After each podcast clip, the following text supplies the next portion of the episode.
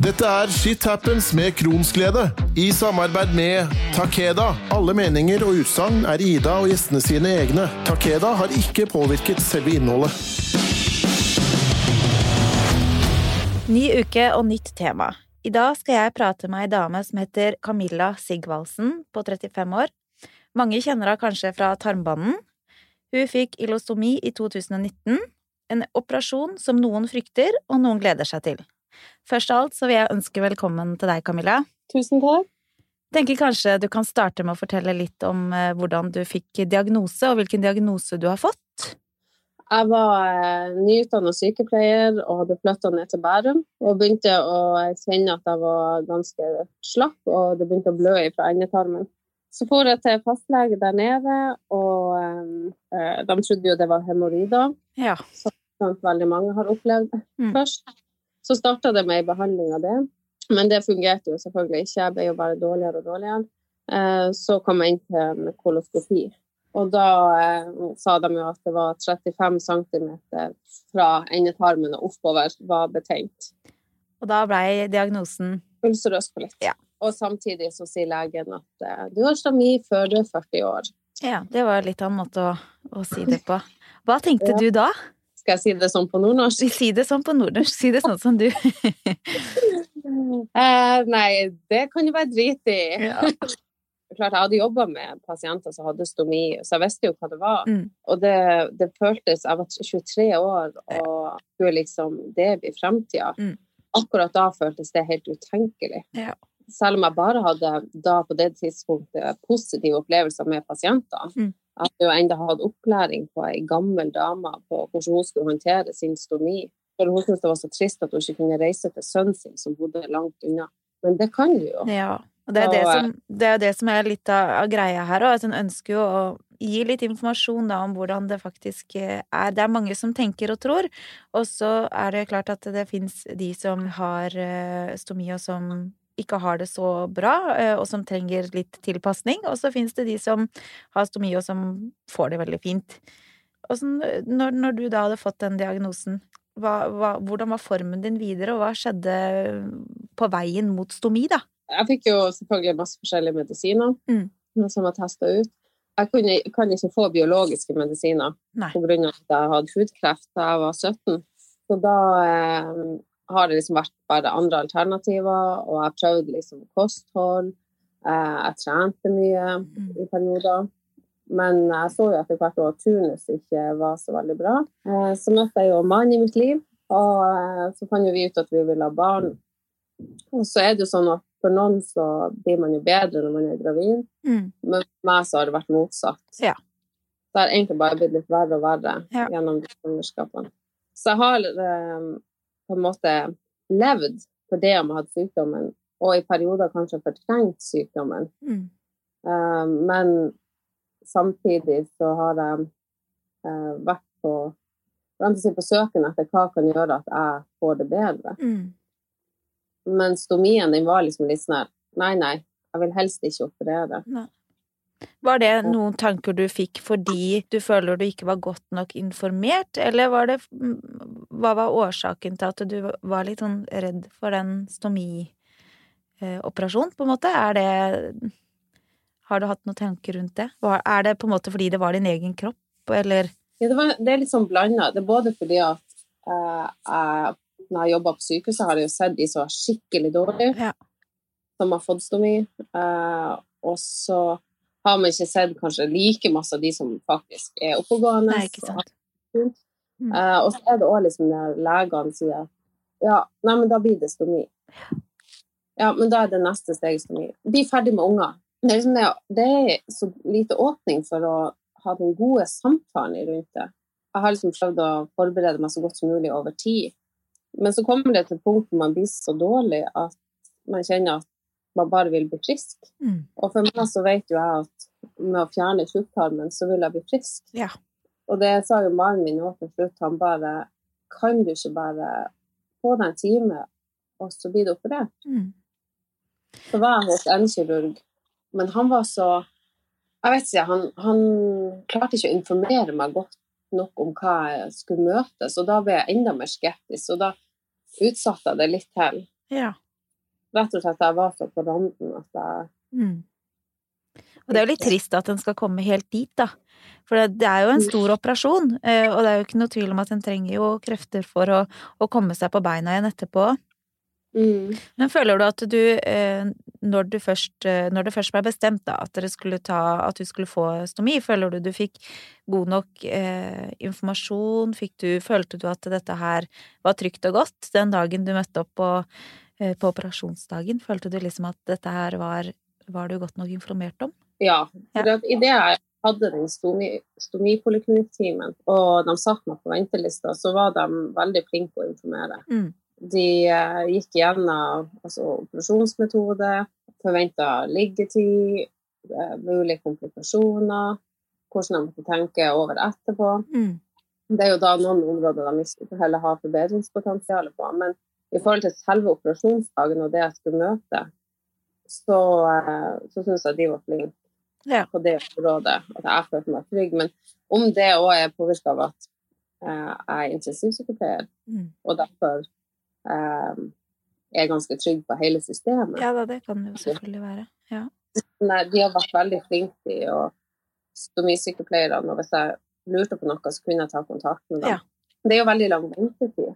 Ja, hvor lang, hvor lang tid venta du fra, du måte, fra dette her ble bestemt til, eh, til du ble operert? Fra eh, april-mai var det jeg var inne. 22. oktober ble jeg operert. Ja, ja, det er jo ganske lenge.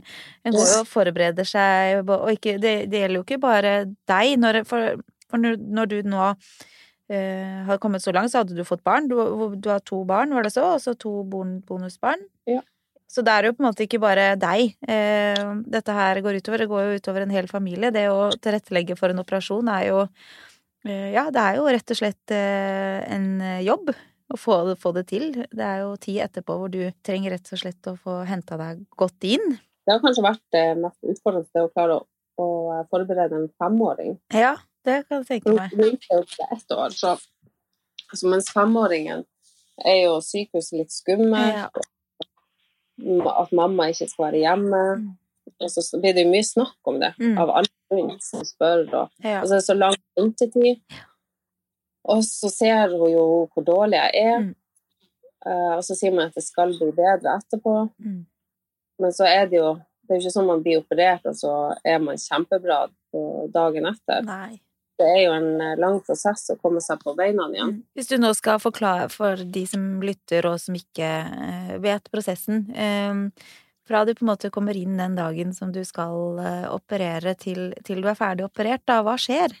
Jeg møter dagen før, Mm. og da er jeg inne på en sånn dagenhet og har en samtale med sykepleier, og så setter de dette krysset.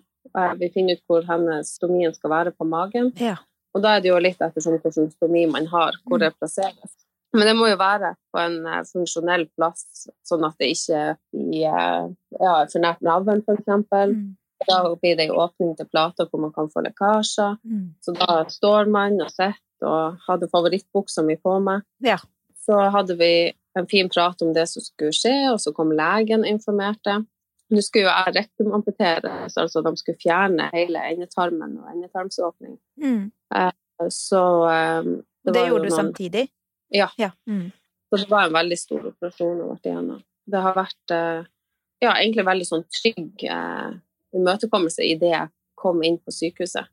For alle var liksom veldig på tilbudssida. Jeg fikk være på hotellet.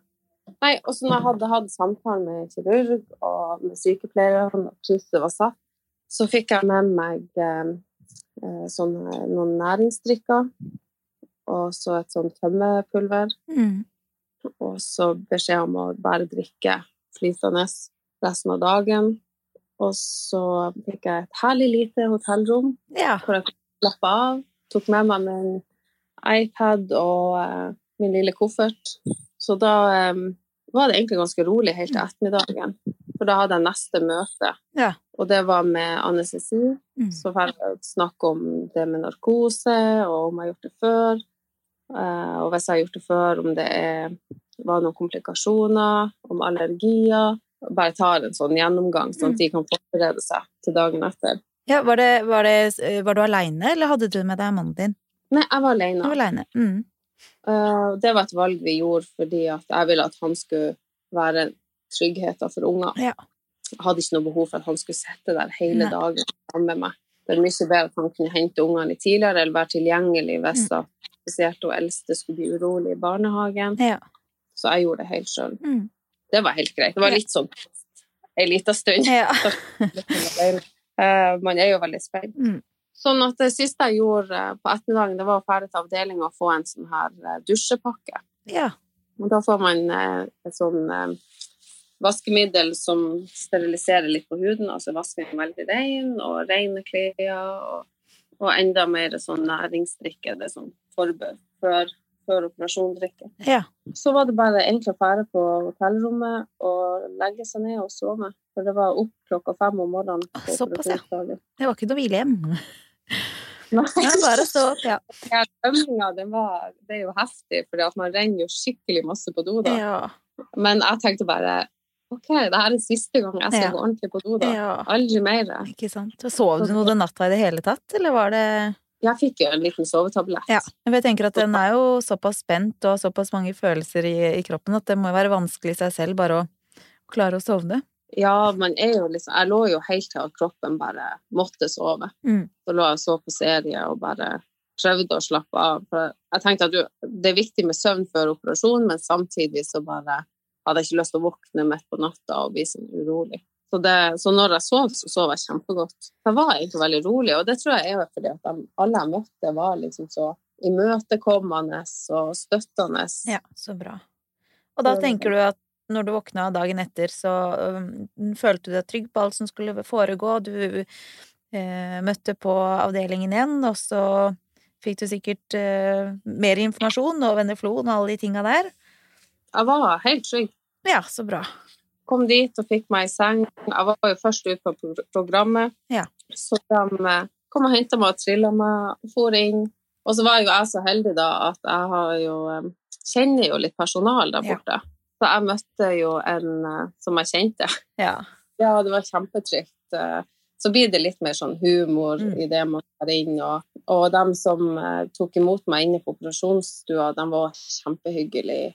Og de tok ting i, i et rolig tempo og gjorde klart, og de forklarte alt som skulle skje. Sånn at hvis man hadde vært urolig, så hadde de klart å få deg til å slappe av. For da de var hele tida til stede og prata. Mm. Og det er sånn som er veldig vanskelig å legge eh, veneflon på. ja.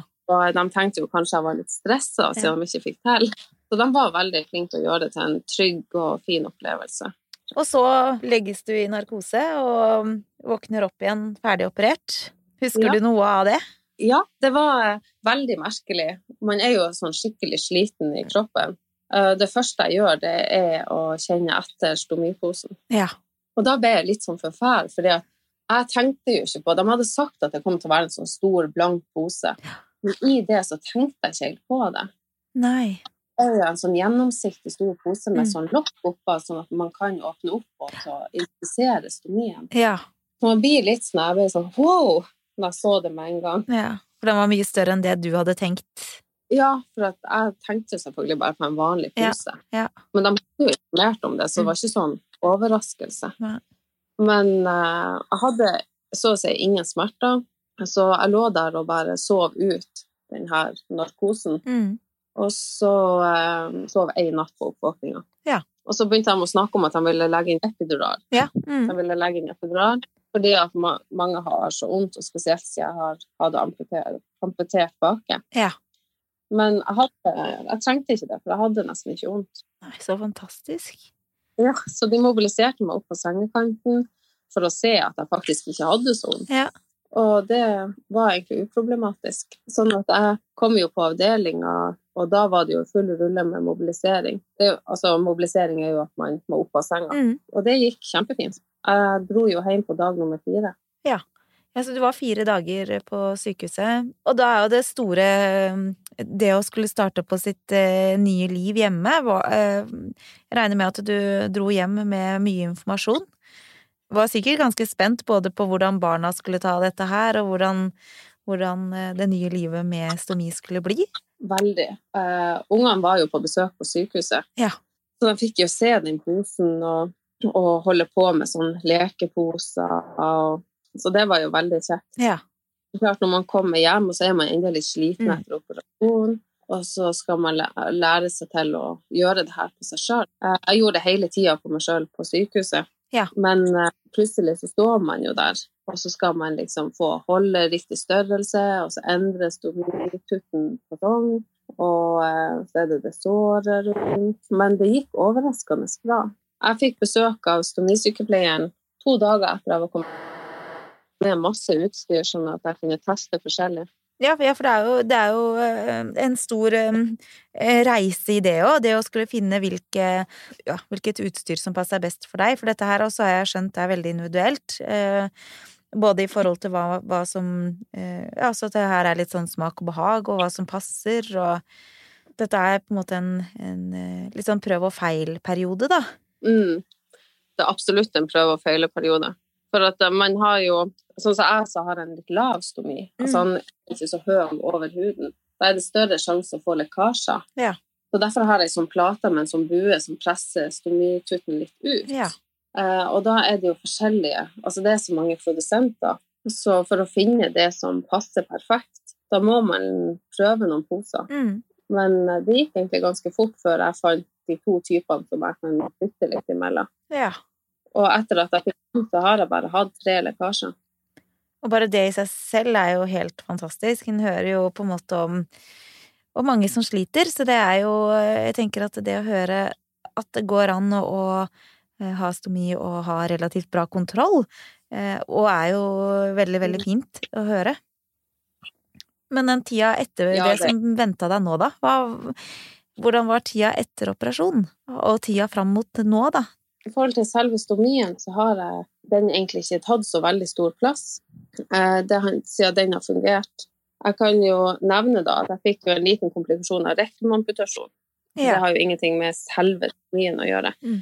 Men den gjorde at jeg måtte inn og få eh, eh, bytte på et sånt dren som jeg hadde i ei sånn sårhule. Ja. Så fokuset ble veldig mye på den behandlinga for å få den på plass. Mm. At det var så stor lykke at instomien bare fungerte. Mm. Og uh, ungene syntes ikke det var noe rart. De uh, så på den, og de så jo at å ja, er det bare en sånn liten pose? Mm. Ja ja, det er ikke farlig. Og uh, jeg kunne spise hva jeg ville. Mm.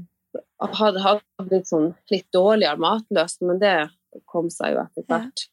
Og så har jeg eh, ja, gjort mer og mer aktivitet. Jeg begynte å kjenne at det er overskudd. Det å kunne våkne en morgen og kjenne at oi, jeg har lyst til å stå opp. Ja. Du Og føler rett og slett at du har fått livet litt tilbake? Ja, ikke bare litt. Jeg har fått et liv jeg ikke har hatt på veldig mange år. Nei, ikke sant. Og sånn som nå, så er jeg jo på vinterferie alene med enten for mannen min eller med guttene. Og eh, vi er masse ute. Vi har vært ute i dagevis og gått på ski og har dratt pulk. Og vi eh, bare storkoser oss. Eh, Når du forteller, da, så tenker jeg jo at eh, veldig ofte så blir det med å få stomi eh, en litt sånn eh, siste utvei-greie, og noe veldig mange gruer for. Eh, tenker du at det hadde vært fint om det kanskje hadde blitt vurdert litt tidligere enn enn det ofte gjør, da? Ja. for meg så føles det ikke som en siste utvei. Nei. Eh, jo, den muligheten jeg hadde, jeg hadde jo mange valg, men det var liksom bare dårlige valg. Men det her eh, var den beste muligheten som jeg har, og det var noe jeg ønska. Mm. Men for min var det jo at de sa jeg måtte bli ferdig med unger, og det handler jo om at de er å styre nedatil. Ja. At livmor kan endre litt plassering, som Mm. gjør at det er vanskelig å bli gravid etterpå. Men eh, hadde jeg ikke hatt ungene og vært så dårlig, så ikke jeg ha ville jeg heller ha blitt frisk. Mm. Det er en endring. Og ja, man kan plages litt med lekkasjer. Noen eh, syns det er ekkelt å bruke tid på egen kropp. Men det som jeg har gjort, er at jeg har betalt egne private timer hos en psykolog før operasjon, og jeg har gjort det etter operasjon. Ja. Så Eh, lurt. Ja, for da kunne jeg snakke Ja. fritt om det. Tanker, bekymringer, følelser. For det har ikke vært noe sånn tilbud. Nei. Verken når jeg bare var kronisk syk, Mm. men det er heller ikke noe sånn tilbud etter at jeg har fått stomien. Det der er så synd. Eh, Det har, har jo vært snakka om mange ganger gjennom alle disse episodene, at er det noe som er trist, så er det at det er altfor lite fokus på nettopp den eh, psykiske biten da, med å være syk, uavhengig om du er operert eller ikke. Jeg tenker at det, det hadde hjulpet utrolig mange om det hadde vært eh, mer fokus på å få noen eh, ja, få litt hjelp til å lufte tankene dine, hjelp til å eh, plassere noe av det en går og bærer på, da. Og det er jo ikke noe tvil om at det å ta en, en så stor operasjon gjør jo noe med det. Og det har garantert vært tanker hos deg også som eh, har vært lurt å, å, lufte med noen som ikke du kan såre med å si de tinga han tenker på, da. Eh, mm. Det har vært jeg tror det lureste tiltaket jeg har gjort ja. før, eh, før operasjon, og etter. For det handler ikke bare om meg heller. Det handler om hele familien, ja. og hvordan ser det her påvirker, mm. eller hva man kan gjøre, sånn som eldstejenta mi hatt det litt tøft etter alt det som jeg har vært igjennom. Mm. Og da å kunne snakke med noen helt fritt, noen som ikke har noen følelser rundt meg som menneske, ja. sånn som familie og venner vil ha. De har jo liksom de, Ja, det er ikke like lett å være helt rett fram ærlig. Nei. Samtidig få veiledning på hvordan man skal håndtere det her, hva kan man gjøre, og aksept for at OK, ting er faktisk litt dritt akkurat nå. Mm. Det er helt i orden. Men så hvis sykehuset heller um, de som jobber med det her, kunne hatt iallfall et tilbud om at man kunne komme til samtale. Det hadde, tror jeg hadde hjulpet så ja. mange. Ja, for det er ikke, det er ikke noe tilbud uh, i det hele tatt. Uh, ikke, men stomisykepleierne, er de vel tilgjengelige, eller? Ja, de har jo bare én stomipoliklinikkdag ja. i uka, mm. og så har de en ringedag. Ja. Nå er jo, jeg, er jo jeg veldig heldig med hun stomisykepleieren som er på det apoteket som jeg bruker. Ja. Kan jeg jo ta kontakt med og og diskutere problemstillinger og få mm. time der borte. Men allikevel så er det jo noe med å få om det, kanskje, og ikke eh, at, det, at det kunne vært liksom litt mer snakk om de tilbudene som er. Og det er jo akkurat det samme som det her rundt seksualitet og mm. samliv. Mm. For det er jo like viktig for partneren. Ja, det er kjempeviktig. Og det å også ha en eh, forberedende time for partner kunne vært med og hørt på. Ja. Altså En ting er jeg skal inn og få bli satt på den ventelista, men en sånn time, samtaletime om dette er det du har i vente, hvor partner òg kan stille masse spørsmål og, og, høre de samme tingene. Mm. Mens vi, altså vi har jo snakka masse om det. Vi har veldig åpen dialog, mm. men det er jo kanskje fordi at det er lett for meg å snakke om de vanskelige tingene. Ja, så er det jo forskjellig, sånn at eh, jeg tenker at det har jo nok vært en styrke for deg og for dere, men eh, for de som ikke har det så lett for å prate om dette her, så kan det jo uten tvil bli et stort problem, da. Når ikke ja. det er noe tilbud, tilbud der. Hvis du skulle komme ut med et uh, tips eller råd da, til noen som sitter nå kanskje på venteliste, hva, hva, hva skulle du ønske at du visste den gangen? Kanskje være oppsøkende etter andre som har vært igjennom det. Mm. For hvis man googler, så er det så lett å få litt skrekkscenarioer. Ja. Mens prøv å finne tak i Det finnes jo masse organisasjoner. Mm. Altså, du har jo Norilco, Coloplast, Digitalmannen, hvor det er mennesker som eh, lever med det, som har det skikkelig bra med det. Det er viktig, og som kanskje har utfordringer som kan fortelle hvordan de løser det. Men vær litt besøken og få høre litt andre historier, så man kan få tips fra ulike. Og det var sånn jeg f.eks. tipset om at jeg burde trene ja. eh, litt for operasjon. Få styrka bukmuskulaturen. For pga. mye medisiner og svangerskap, mm. så var ikke ting optimalt før en så stor operasjon. Så da fikk jeg tips om at ja, men da tren så mye som du kan. Det handler om å styrke kjernemuskulatur, bukmuskulatur. Ja. Alt som man kan gjøre for å forebygge brakk. Og det her å ha gode samtaler med andre mennesker som vet hva det er snakk om, det, det er en styrke i seg sjøl. Mm. Og nå er du, du er med i Tarmbanden. Ja. Eh, og der også både deler dere jo eh, deres erfaringer, samtidig som andre får eh, muligheten til å dele sine erfaringer. Og det også er jo en kjempe, kjempefin ting, tenker jeg. Det også må ha vært en, en, god støtte i den tida. Ja, jeg tror ikke det har vært så enkelt uten dem. Nei. Nei. De, de, har vist meg sider på godt og vondt. Ja. Og bare det å ha noen i ryggen mm. som støtter og det er jo sånn som når jeg f.eks. er på Snappen en dag, så er det jo mange som kanskje er innlagt, som skal mm. opereres, eller akkurat har blitt operert, mm. eller som står på ei venteliste og så spør om ting. Ja. Og det er kjempefint når de f.eks. oppdaterer neste gang jeg er på hvordan ja, ting har gått. Ja. Og da går det litt begge veier. Da får Mm. man delta i det andre går igjennom, og har mulighet til å være en sånn støtte, sånn som jeg har opplevd. Mm. Og nå er du tilbake i jobb, eller åssen ganske snart. Ja. Jeg skal tilbake til sykehuset. Jeg er borte derfra pga. sykdommen. mm. Anna pga. sykdommen. Og eh, nå skal jeg inn i nattevaktsturnus. Det kommer, til, å- det kommer til å bli så fantastisk. Eh, få jobbe med mennesker igjen som da er ganske syke. Mm. Men eh, få være på en måte den jeg er. Mm. Å gå hjemme, som jeg har vært i to år nå, altså i der er det jo Ja, svangerskapspermisjon, ja. men jeg har jo vært uh, kjempesjuk. Ja. Og man blir så lei. Man kan faktisk nesten tror jeg, bli deprimert av Mm. å bli gående bare hjemme i de, innad de fire veggene. Absolutt. Livet går jo bare på utsida. Ja, en føler seg jo litt sånn Jeg pleier å si at en er litt sånn fanga i sin egen verden. Alle, livet går videre for alle andre utafor, og så lever en sjøl i en sånn boble. Ja, det- og så er det de her forventningene når Mm. man blir gående hjemme. Fordi jeg ser så frisk ut. Man skal liksom klare alt, og, Ja. og så får man det til. Så det, det er veldig mange følelser rundt det å bare bli værende hjemme. Ja. Det er ikke enkelt. Nei, og det er jo uten tvil et utrolig viktig tema, eh, og det er utrolig viktig å være åpen om stomi. Det er mye stigma og skam rundt dette. Eh, Tusen takk for at du er så modig og åpen, og at du har delt historien din med oss, eh, Camilla. Det var bare veldig hyggelig å få være med.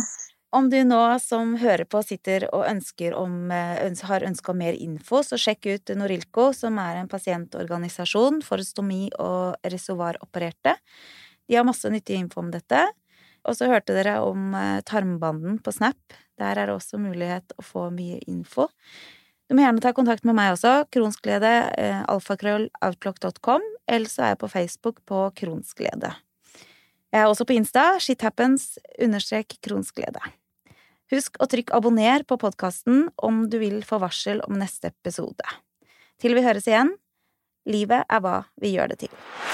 Shit happens med Kronsglede i samarbeid med Takeda.